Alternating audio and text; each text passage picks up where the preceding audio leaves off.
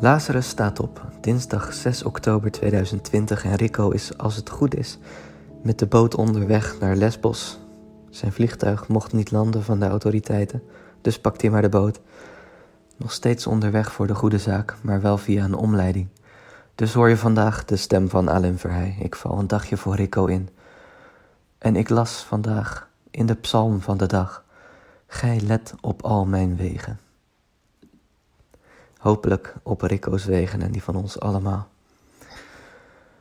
Het evangelieverhaal gaat over Maria en Martha. Dat zijn de twee zussen die mij heel dierbaar zijn.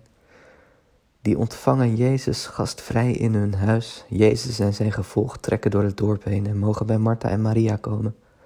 En Martha denkt: Als Jezus onderweg is en te gast bij jou, dan moet je koffie zetten, dan moet je stoelen klaarzetten, dan moet je rondlopen met drinken en eten en hapjes. En Maria is dan weer een zus die bij wijze van contrast aan de voeten van de Heer gaat zitten en naar zijn woorden luistert. Ze hebben ook nog een broer, Lazarus, maar die staat vandaag niet op. Misschien vindt hij het zorgen voor gasten wel iets voor vrouwen. Gij weet waarom ik bezig ben of rust, zegt de psalm van vandaag. Dat contrast tussen die zussen maakt Martha boos. En Martha die wordt boos op Maria. Ze loopt met haar dienbladen rond en ze zegt tegen Jezus: Heer, laat het u soms onverschillig dat mijn zus mij alles alleen laat doen. Zeg haar dat ze mij moet helpen.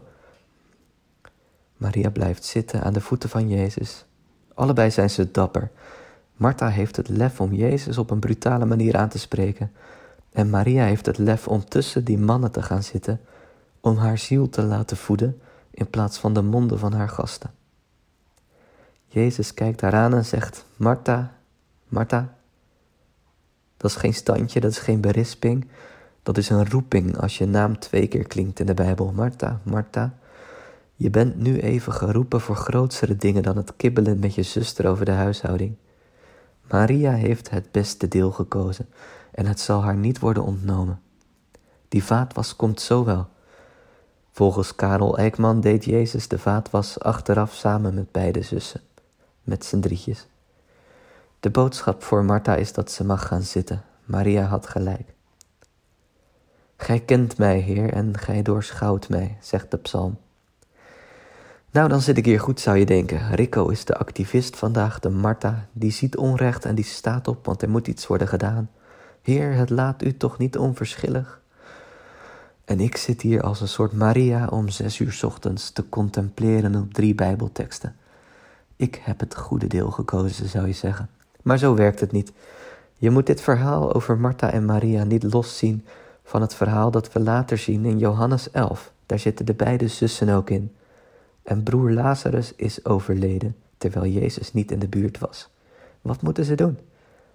Maria blijft weer zitten in haar verdriet en Martha staat weer op om Jezus aan zijn jasje te trekken.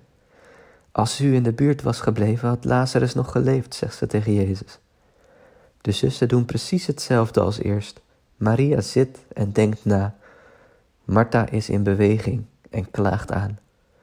Deze keer kiest Martha het juiste deel, want Jezus helpt Lazarus uit het graf. Soms is er een tijd om af te wachten en te ontvangen, soms is het tijd voor onverbiddelijk activisme. Om dat uit te leggen hoeven we alleen maar te horen naar wat Paulus allemaal over zichzelf vertelt aan de Galaten. Broeders en zusters, zegt hij, gij hebt gehoord hoe ik vroeger geleefd heb, hoe ik de kerk van God fel heb vervolgd, haar trachten uit te roeien, en hoe ver ik het bracht in de godsdienst, vele leeftijdgenoten onder mijn volk overtreffend in mijn grenzeloze ijver voor de overleveringen van mijn voorouders. Paulus was een druk baasje, was meer een Martha dan een Maria, totdat hij bekeerd werd, zegt hij. Maar toen hij, die mij vanaf mijn geboorte had uitgekozen en mij riep door zijn genade.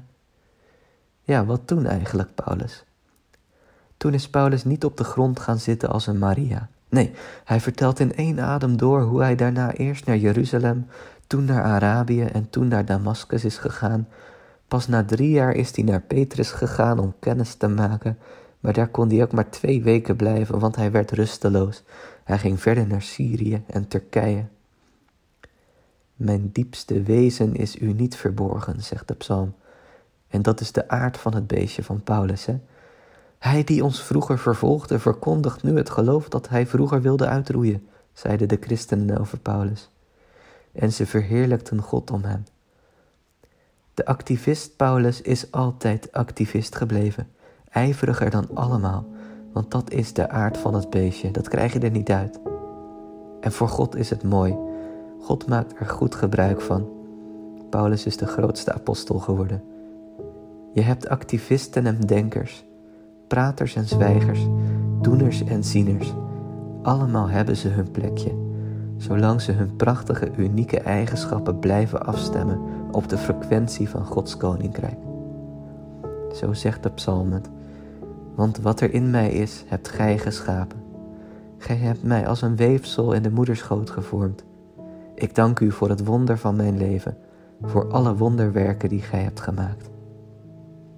Ik wens je vrede en alle goeds.